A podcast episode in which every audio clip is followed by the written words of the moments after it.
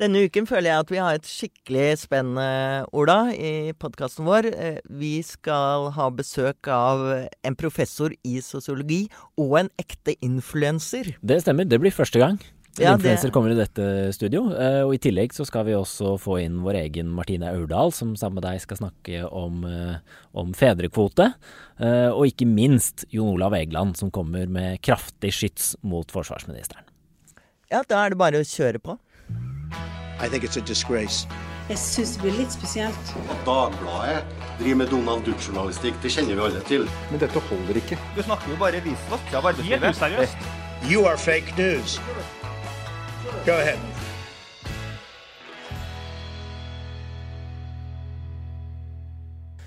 Det er få temaer som vekker så harde fronter og skaper så høy temperatur som asyl- og innvandringsdebatten. Og denne uken skjedde det jammen igjen.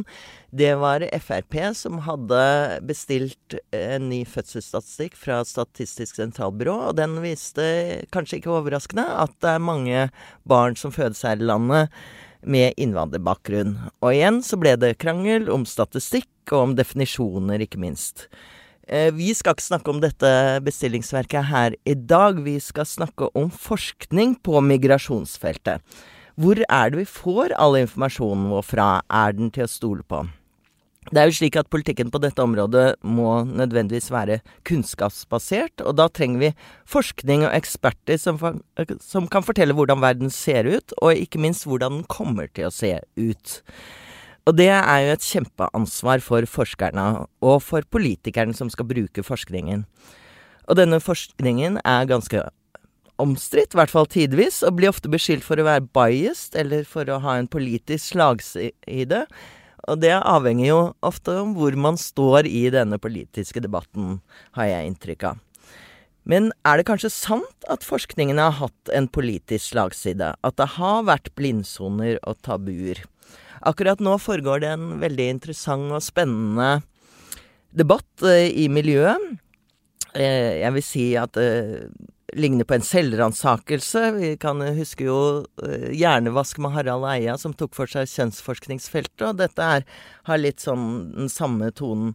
Og det er takket være et forskningsprosjekt av Mette Andersson om utviklingen de siste åra på dette feltet, og om forholdet mellom politikk, media og vitenskap. Så da tenkte jeg at podden som vanlig skal gå direkte til den beste kilden, og jeg kan ikke tenke meg noen bedre enn Grete Brochmann, en av de aller ypperste på dette feltet, professor i sosiologi, kanskje mest kjent som leder av det regjeringsoppnevnte Brochmann-utvalget 1 og 2. Og øh, ja, det Brochmann-utvalget som kjent så på øh, konsekvensene av økt innvandring. Eh, Du, Grete, har stått i denne kryssilden, for å si det forsiktig. Og du har vært med en stund, du er nestor i faget. Eh, Kan ikke du si litt først hva utviklingen har vært på dette området? Det er jo et ganske ungt fagfelt. Ja, det er et ungt fagfelt, men, men ehm, eh, jeg har for så vidt vært, eh, vært der ganske lenge selv. Eh, jeg skrev hovedfagsoppgaven min på begynnelsen av 1980-tallet om arbeidsmigrasjon fra Mosambik til gruveøkonomien i Sør-Afrika. Og da var det faktisk få av mine kolleger som visste hva migrasjon var. Så her har det skjedd mye når vi ser tilbake noen tiår. Men, eh, men eh, hvordan eh, Hvem var det egentlig som var forskere på dette feltet på den tiden? Jeg har inntrykk av at det har utviklet seg også lite grann. Ja, det har det. Eh, I, I begynnelsen så var det veldig smalt felt for virkelig spesielt eh, interesserte. Eh, Det var samfunnsvitere, nesten blått og bart, hvis vi ser bort fra naturviterne da, som studerte fugler, trekkfugler. Det var jo det folk forbandt med migrasjon veldig ofte, faktisk. Men det var samfunnsvitere, og lenge så var det jo antropologer som, som dominerte feltet, hvert fall i en eh, norsk sammenheng. Og så har andre faggrupper innenfor eh, samfunnsfagene kommet til senere og gjort noe med eh, studiefeltet, helt åpenbart. Og, og som så mange andre steder så har det eh, gjort noe med feltet når økonomene trer inn. Mm. Men, men det var jo altså antropologer Jeg skal ikke fornærme antropologer her, men jo, det gjør jeg kanskje når jeg sier at det er litt sånn journalistisk virksomhet. Det er i hvert fall ikke, var ikke så mye kvantitativ forskning. Nei, det ligger jo i fagets natur. Ja, De driver ja. jo med, med deltakende Ja, ja, observasjon ja. som hovedmetode. Eh, og, og eh, altså samfunnsfagene generelt, og særlig eh, de som var opptatt av u-landsproblematikk, som jo jeg var, var helt klart eh, solid forankret, store flertallet i, på, på venstresiden i politikken. Og, og det var litt uklare grenser mellom politikk og fag. Og, og du skriver at det var litt sånn At du følte at det var noen tabuer, og at det var litt sånn uh, følelsesladder. At man eh, Du snakker om at du utviklet en slags strategi for å unngå stempling, eller at eh, mange gjorde det. Ja, altså som på så mange andre områder så er definisjonsmakt veldig viktig. Og det var, mener jeg bestemt, ikke tvil om, at det var folk som, som var veldig positivt stemt overfor innvandring og innvandrere, som hadde definisjonsmakten veldig lenge eh, på dette fagfeltet. Det har nok endret seg, seg nå, eh, men, men 80-tallet, 90-tallet, utvilsomt. Eh, og mm, Vi husker jo Unni Wikan, professor i sosiologi, Ja. som Hun ble jo nærmest korsfestet, eller det er kanskje et uheldig ord i den sammenheng, men, men hun fikk jo veldig kjeft, for hun snakket om eh, eh, om eh, bl.a. sosial kontroll i innvandrermiljøer og slike ting. Og hun ble jo kalt forferdelige ting i den offentlige debatten. Og det som slo meg den gangen, var jo at ikke så mange av hennes kolleger rykket ut og støttet henne. Nei, fordi de vel var eh, mot det hun sto Ja. for, antagelig. Eh, nei, altså det var helt åpenbart veldig barskt å gå mot det som var den rådende tenkningen.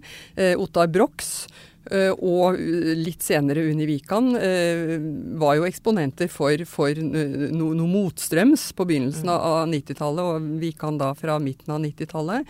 Eh, hvor de begynte å stille spørsmål ved det som var den rådende tenkningen. Og det, det, det var ikke lett for dem, det er helt åpenbart. Det har de jo begge eh, skrevet om og snakket om senere.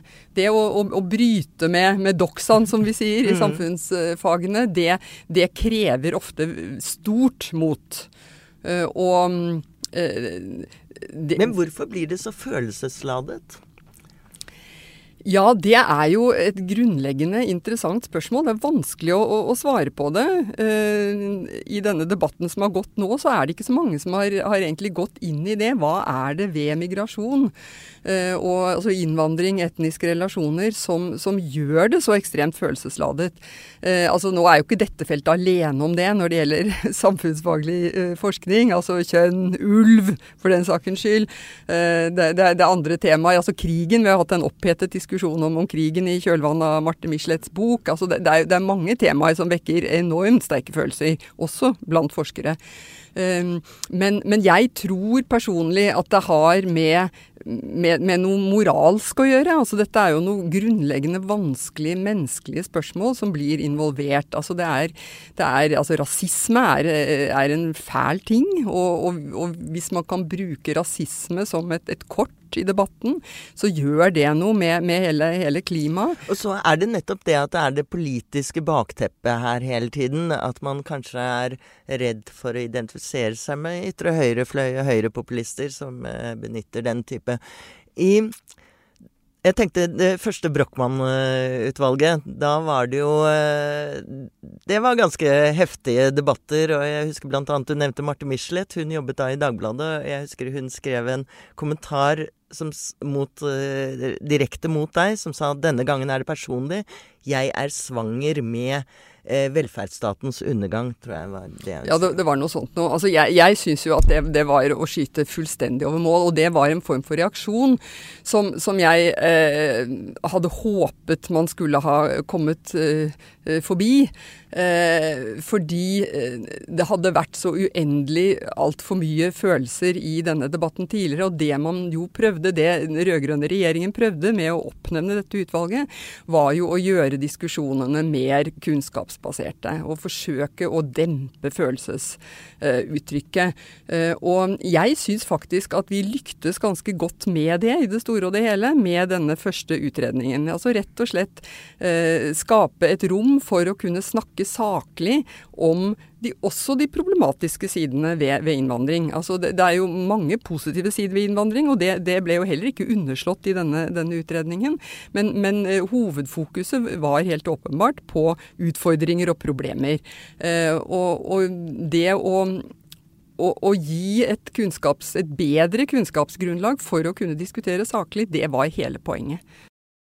Eh, merket du noen forskjell eh, mellom eh, Brochmann 1 kom i 2011, vel, og, og så kom Brochmann 2 i 2017?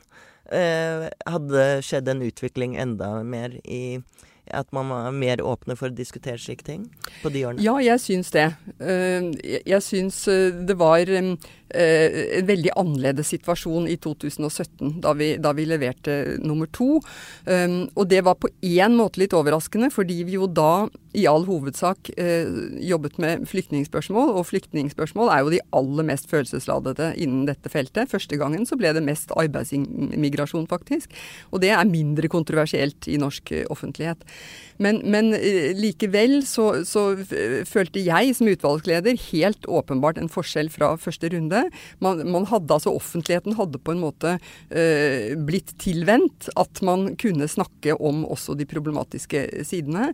Og jeg syns vi fikk en, en, i all hovedsak veldig saklig mottakelse. Eh, jeg, jeg, sitter og ler litt, smiler litt når du sier det, fordi at vi husker jo kanskje alt bråket rundt Erling Holmøy og og Kristine Meyer, som måtte gå av som eh, sjef for Statistisk sentralbyrå, og Siv Jensen måtte nesten gå av som finansminister. Så det var jo litt bråk rundt dette utvalget.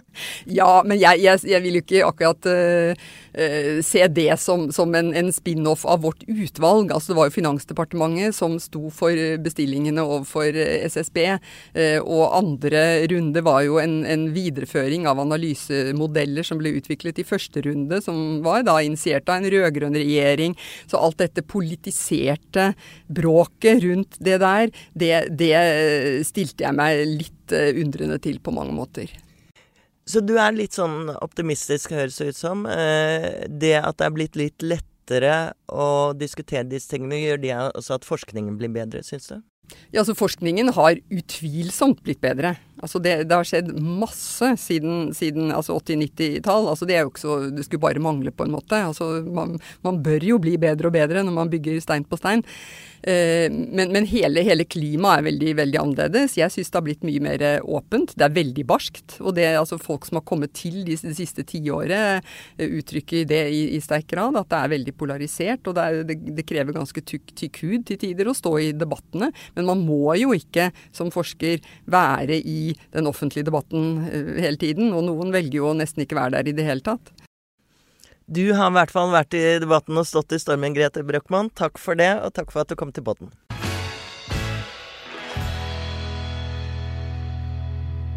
Et sikkert vårtegn er at det er en eller annen skandale med årets russekull. Er, eh, enten så er det russesanger som er eh, helt over kanten, Ellers er det noe eh, fyllerør og sex og spetakkel.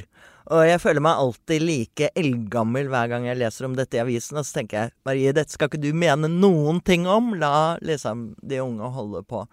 Men nå er det faktisk sånn at eh, vi har en, en som er ung her i studio, som også klikker på, på årets skandale.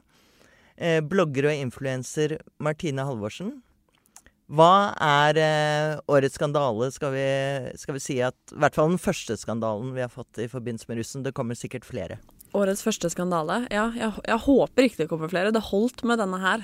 Eh, nei, det er jo dette skjemaet da, som kanskje veldig mange har fått med seg. Der det er eh, en russegjeng, eller russebuss, eller hva det nå er, som har laga et skjema der man skal svare om man, Det er et søkeskjema, et rett og slett, for å være med på denne bussen? Der man må besvare hvor seksuelt aktiv man er, hvor mye man veier, og ja, rett og slett hvor stor status man har, da. Og jo flere du har ligget med, jo bedre er det. Ja, fordi her står det seksuell aktivitet, jomfru, uerfaren, moderat, erfaren. Eller, altså, la oss liksom legge merke til at det står jomfru prikk, prikk, prikk. Det er liksom ikke jomfru, det er helt greit. Akkurat det samme som på kilo når det står hva er det, 70-80 kilo prikk, prikk, prikk. Nettopp. Eh, det er kanskje Man vet eh, som ofte med sånne skjemaer hva man skal svare. Men, men, dette var så drøyt at de faktisk trakk det tilbake og måtte be om unnskyldning og sa at eh, det bare var en spøk. Men er det en spøk, eller er det tegn for noe annet? Kjempemorsomt. Eh, det er jo ikke første gang man ser noe sånt som dette her. Eh, og hvor humoren er, det, den ser jeg ikke. Det er veldig enkelt å skylde på at det, det bare var ment på gøy. Eh, men for meg, da, som fikk slengt det rett i fleisen, jeg syns ikke at det var så innmari gøy. Eh, og jeg har sett flere saker. Det var jo en sak eh, vel samme dag fra Romerike Blad som skrev at eh, det var en som ikke fikk være med på russbuss fordi han ikke hadde nok følgere på Instagram. Så dette er jo en tendens. Det er jo ikke bare én spøk fra én videregående skole. Det er ræva holdninger, om man kan si det sånn. Og som ramme, kan ramme unge mennesker på en ganske alvorlig måte. Du skriver jo i ditt, eh, ditt blogginnlegg, som vi også publiserte her i Dagbladet, om en jente som eh, følte hun Altså, de drev liksom fleipte med at hun måtte slanke seg, og det, mm. det førte til at hun ble syk, rett og slett. Ja, hun eh, ble syk, og jeg har jo snakka med mange, og snakker jo med mange av, eh, altså, som er unge, og som er russ, og skal være russ, og har vært russ, eh, som forteller om dette her. Og det er jo ikke så mange år siden jeg selv valgte å stå over russetiden. Eh, dette var kanskje ikke hovedgrunnen, men det var en av grunnene til at jeg rett og slett jeg orka ikke å være med på det presset jeg føler at russetiden har blitt til. da. Eh, og det er jeg føler at det skal handle om at man skal være den kuleste, man skal være hippest, man skal ha de dyreste tingene. Alt handler om status. Det handler liksom ikke om å feire at man faktisk er ferdig på videregående og at man har nådd en milepæl, da. Men er dette ungdommer med dårlige holdninger, eller Jeg tenker at dette skjer jo ikke i et vakuum. Selv om de er 18 år og er gamle nok til å stemme ved valget og sånn, så er det jo, er det jo fortsatt uh, ungdommer som bor hjemme hos foreldre. Uh, du skriver at du syns kanskje at foreldrene bør gripe litt fatt i dette her. At det er likegyldighet, og at de bør følge litt bedre med på hva barna driver med. Det mener jeg absolutt. Jeg tror veldig mange foreldre nesten fraskriver seg litt ansvaret. Tenker at ok, nå er de 18 år, nå kan jeg dra på hytta, så kan de være aleine hjemme og ha russefester. Det lukker jeg bare øya, så ser jeg det ikke. Eh, men jeg tror at foreldrene er nødt til å ja, se opp fra telefonen og følge med på litt hva som skjer, hva ungdommen deres driver med. For jeg tror ekstremt mange foreldre ikke har peiling på hva ungdommen deres driver med. Og altså, jeg skjønner at man som ungdom har lyst til å være den kuleste. Man har lyst til å være den kuleste gjengen som får eh, flest damer, eller er den kuleste på fest. For det er jo egentlig lagt opp til at, vi, uh, til at vi skal være det. Men som jeg også skrev, at det er liksom ikke hvilken russebuss du er på eller var på, som gjør at du får jobb når du blir gammel. Nei, øh, men tror du at foreldre er sånn når de leser om dette i avisen, så tenker de det, det gjelder ikke mine barn. Det er ikke min Absolutt. sønn. Absolutt. Det tror jeg er veldig, veldig normalt. For man lukker øya. Jeg tror at veldig mange ikke rett og slett har lyst til å se at det gjelder deres barn eller deres venner og det miljøet de er i. Det er veldig enkelt å ta på seg skylappene, trekke ned nisselua og tenke at øh, nei, gjelder ikke meg. Har, hva slags eh, tilbakemeldinger har du fått? For dette, dette, innlegget ditt har jo virkelig gått viral, som det heter. At, eh, eh, fått enormt mye delinger og klikk. Eh, du har vel fått en del tilbakemeldinger direkte på bloggen din òg? Jeg har fått uh, utelukkende positive tilbakemeldinger. Jeg tror veldig mange syns at det var på tide at noen slo hånda i bordet, uh, og er helt enig med meg. Uh, jeg har sett at det har vært noen foreldre som på en måte har prøvd å forsvare barna sine litt, og at nei, nei, men det var ikke ment sånn og tjo ei. men 95% om jeg skal sette sånn anslagsvis, har vært enig med meg og syns at dette her var helt påpasselig. Så bra. Så, Enig når sånne som deg, da forstår jeg bedre hva jeg Jeg må innrømme at det er første gang jeg møter en ekte influenser. eh, men dette er jo veldig bra at du bruker din influenserrolle til eh, noe så positivt. Så takk også for at du kom til podkasten min, Martine Halvorsen. Takk for at jeg fikk komme.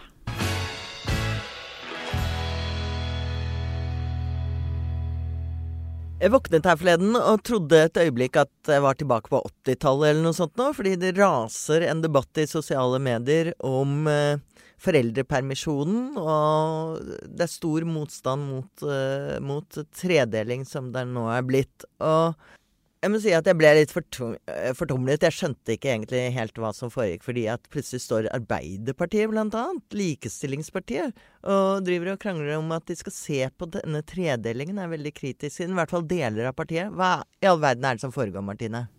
Jeg mener at vi ser helt klart antydninger til et backlash i likestillingspolitikken her. Dette begynte jo med at uh, Høyre-Frp-regjeringen strammet inn uh, pappapermen fordi de stolte på at norske menn likevel ville uh, ta ut like mye foreldrepermisjon. Det gjorde de jo selvfølgelig ikke. Og da Venstre kom inn, så innførte de da en tredeling der far nå har rett til én uke mer enn det han hadde under de rød-grønne.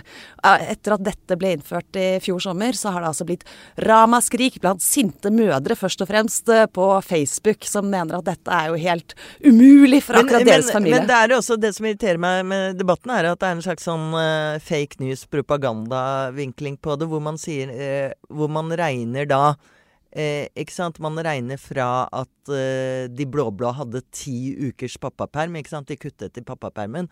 Og så dermed så er det blitt et, plutselig et hopp. Det er veldig mange uker som er forsvunnet, forsvunnet, hvis man regner på den måten. Men man må jo, det rimelige er jo å regne fra det som var under de rød-grønne, altså 14 uker. Og nå er det blitt 15. Ja, ikke sant. Det er akkurat én uh, uke forskjell. Og til og med Linda Hofstad Helleland måtte jo til slutt innrømme at det var en dårlig idé å kutte de ukene, fordi at det fikk jo akkurat den konsekvensen som mange av oss advarte mot. Uh, pappaer i Norge tar ut foreldrepermisjonen i den uh, delen som, de, som, er forbeholdt dem, og stort sett bare den. Og det er med på å øke likestillingen i hjemmet, og dermed også, får vi tro, etter hvert utjevning i arbeidslivet. Absolutt. Og eh, det er litt sånn underlig at uh, politikerne har fått helt uh, blitt så redde for et lite Facebook-opprør, fordi at det er en side som har fått 30 000 tror jeg, likes eller uh, følgere. Og det høres jo umiddelbart ganske mye ut, men det er ikke så mye. Det er egentlig ganske altså bom, Disse bompengeringmotstanderne, de er mange flere, f.eks. Og hvis man ser på meningsmålinger som er tatt opp type 2017, så er det liksom 80-90% som er for denne pappakvoten. Og entusiastisk for, vil jeg si også. Og disse 30 000 som skremmer livet av til og med Arbeiderpartiet, de bør man eh, se litt mer kritisk på. Ja, Det er jo innmari typisk akkurat det du peker på der. Vi vet jo både fra kommentarfelt på nett og når det nå det er liksom storm i sosiale medier, så virker det så innmari mye. Men som oftest er det slett ikke representativt for hva befolkningen eh, mener, og det er det heller ikke i dette tilfellet.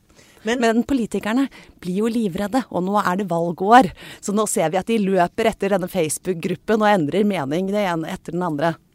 Og liksom, jeg, jeg, tenker at det er litt sånn sjokkerende at uh, Likestillingspartiet Arbeiderpartiet skal plutselig uh, fremstå som en bremse på dette her. Men vi husker jo fra tidligere uh, hvor Anniken Huitfeldt, leder av Kvinnenettverket, og, og, og, og Jens Stoltenberg var veldig mot en tredeling. Så det er konservative krefter i Arbeiderpartiet som vi nå ser dukker opp igjen. Det er absolutt det. Og disse likestillingskampene, som jo Arbeiderpartiet har gått i front for i en stolt tradisjon, har kommet fram gjennom eh, tunge politiske kamper. Men de har beveget seg i riktig og progressiv retning. Men nå ser vi altså et uh, potensielt backlash, og jeg er reelt bekymra for at uh, Arbeiderpartiet skal jo nå diskutere på landsmøtet om de skal uh, snu i denne saken når vi vurderer foreldrepermisjon på nytt, og det vil være Jonas Gahr Støre har foreløpig vært stødig og sagt nei. Han har det, men nå har jo Trondheim Ap vedtatt uh, sin uttalelse. Og Mette Nord fronter den, og det er uh, flere andre fylkeslag jeg vet diskuterer dette seriøst nå. Det er hele EØS-fløyen. Dette er de som er mot EU. Er det, er det et sammenfall der? Ja. Trønder og anti-EU-folk? Men det går jo enda videre. fordi Guri Melby i Venstre, som jo har vært en av de som har stått hardest på for å fremme todeling av foreldrepermisjonen i alvor, har jo også nå gått ut i vår avis og sagt at hun har ombestemt seg og ser at det blir for rigid. Og alle disse argumentene som nå brukes, både i Arbeiderpartiet og i Venstre, eh, er jo argumenter om at det er umulig for kvinnen å gå ut i jobb etter bare sju måneder, og det er umulig for menn å ta fri fra akkurat deres arbeidsplass. Og det illustrerer jo nøyaktig hvorfor dette må folk, være lovpålagt. Folk må rett og slett ta seg sammen igjen og høre på argumentasjonen sin når de sier at det bare er menn som er uunnværlige i arbeidslivet. Og det betyr i hvert fall, som vi så, at uh, hvis du jobber i Matshus f.eks. og er mann, så kan du ikke ta uh, pappaperm i det hele tatt. Og det betyr vel da også at kvinner ikke kan jobbe i Matshus. Tenk Tenk over det, kvinner! Ikke okay. sant. Vi, vi, kommer tilbake til dette her. Og Matshus, Dere må be om unnskyldning. Flott. Hei. Så er vi kommet til poddens ukentlige rosinen i pølsa. Eh, det er ny, en ny installasjon som hadde verdenspremiere forrige uke. Og nå er den allerede etablert og innført, og det er Ukas utspill. Eh, denne gangen er det Jon Olav Egeland som har æren av å kaste terning over noe som kan være det morsomste utspillet, det beste utspillet, eller kanskje det som er litt dumt sagt. Og det blir ikke å hoppe etter Wirkola her heller. Det var jo eh, Statsministeren fikk vel terningkast to i forrige uke for hennes forferdelige utspill om, eh, om regjeringskvartalet og Anders Behring Breivik og under streken og budsjettdebatt i det hele tatt. Så det uh, har de klart det bedre nå. Ikke sant? Er det stigende kurve, Jon Ola? Synkende. Jeg tror nok at uh, forsvarsminister Frank Bakke-Jensen må få en ener på terningen. Uh, for den måten han reagerte på. Uh, det var vel i Dagsrevyen på, tidligere uka på mandag. da spørsmålet om lov om E-tjenester var et innslag. Og hvor man refererte innstillingen eller høringsuttalelsen fra Datatilsynet, som jo sagt at, uh, som sa at dette ville føre til overvåking av alle, og at, uh, at det kunne være en trussel mot demokratiet. Uh, dette opprørte åpenbart forsvarsministeren så mye at han utbrøt at Datatilsynet bør respektere at vi lever i et demokrati. Han hadde ikke hørt om dette med høringsuttalelser? Nei, og det er litt rart, siden eh, det faktisk har, har vært en stund og er et helt sentral del av demokratiet. Hvis jeg kan få lov til å sitere fra statens egen beskrivelse av hva som er hensikten med, med høringer når det gir lovforslag, så sier staten f.eks. at uh, uh, på nynorsk en sender saker på høring av de det er en demokratisk rett for alle å få være med på å utforme offentlig politikk. Og Datatilsynet, uh, Dette dreier seg om elektronisk overvåking, og Datatilsynet er selvfølgelig en relevant offentlig instans uh, når det gjelder dette spørsmålet. Jeg synes at det er pinlig og uh, uakseptabelt at forsvarsministeren på denne måten forsøker å spore av en høyst normal og demokratisk prosess. Hvis, han på, hvis f.eks. statsrådet Vi har også sjef for etterretningstjenesten som har vært inne på samme tankeganger, prøver å skremme vekk f.eks. Eh, statlige etater og andre høringsinstanser fra, fra kritikk, så er det meget uheldig. Så Frank Banke-Jensen med et eh, realt eh, bomskudd der. Eh, Frank Banke-Jensen, demokratiet, det er meg. Og herfra kan det bare gå oppover nå, for regjeringen og terningkastene våre. Vi kommer vel ikke ned på null, nei. Du har hørt på siste med Marie Simonsen. Sammen med meg i studio har Ola Magnussen Rydje sittet som vanlig. Eh, gå gjerne inn på våre Facebook-sider. Denne gangen skal vi legge ut eh, flere av kommentarene til eh, Grete Brochmann og de andre innvandringsforskerne. Vi skal også ha noen videosnutter fra en influenser. Så lik oss gjerne på Facebook, og inviter venner til å like oss. Takk for nå. God helg. God helg. Jeg glemmer det hele tiden.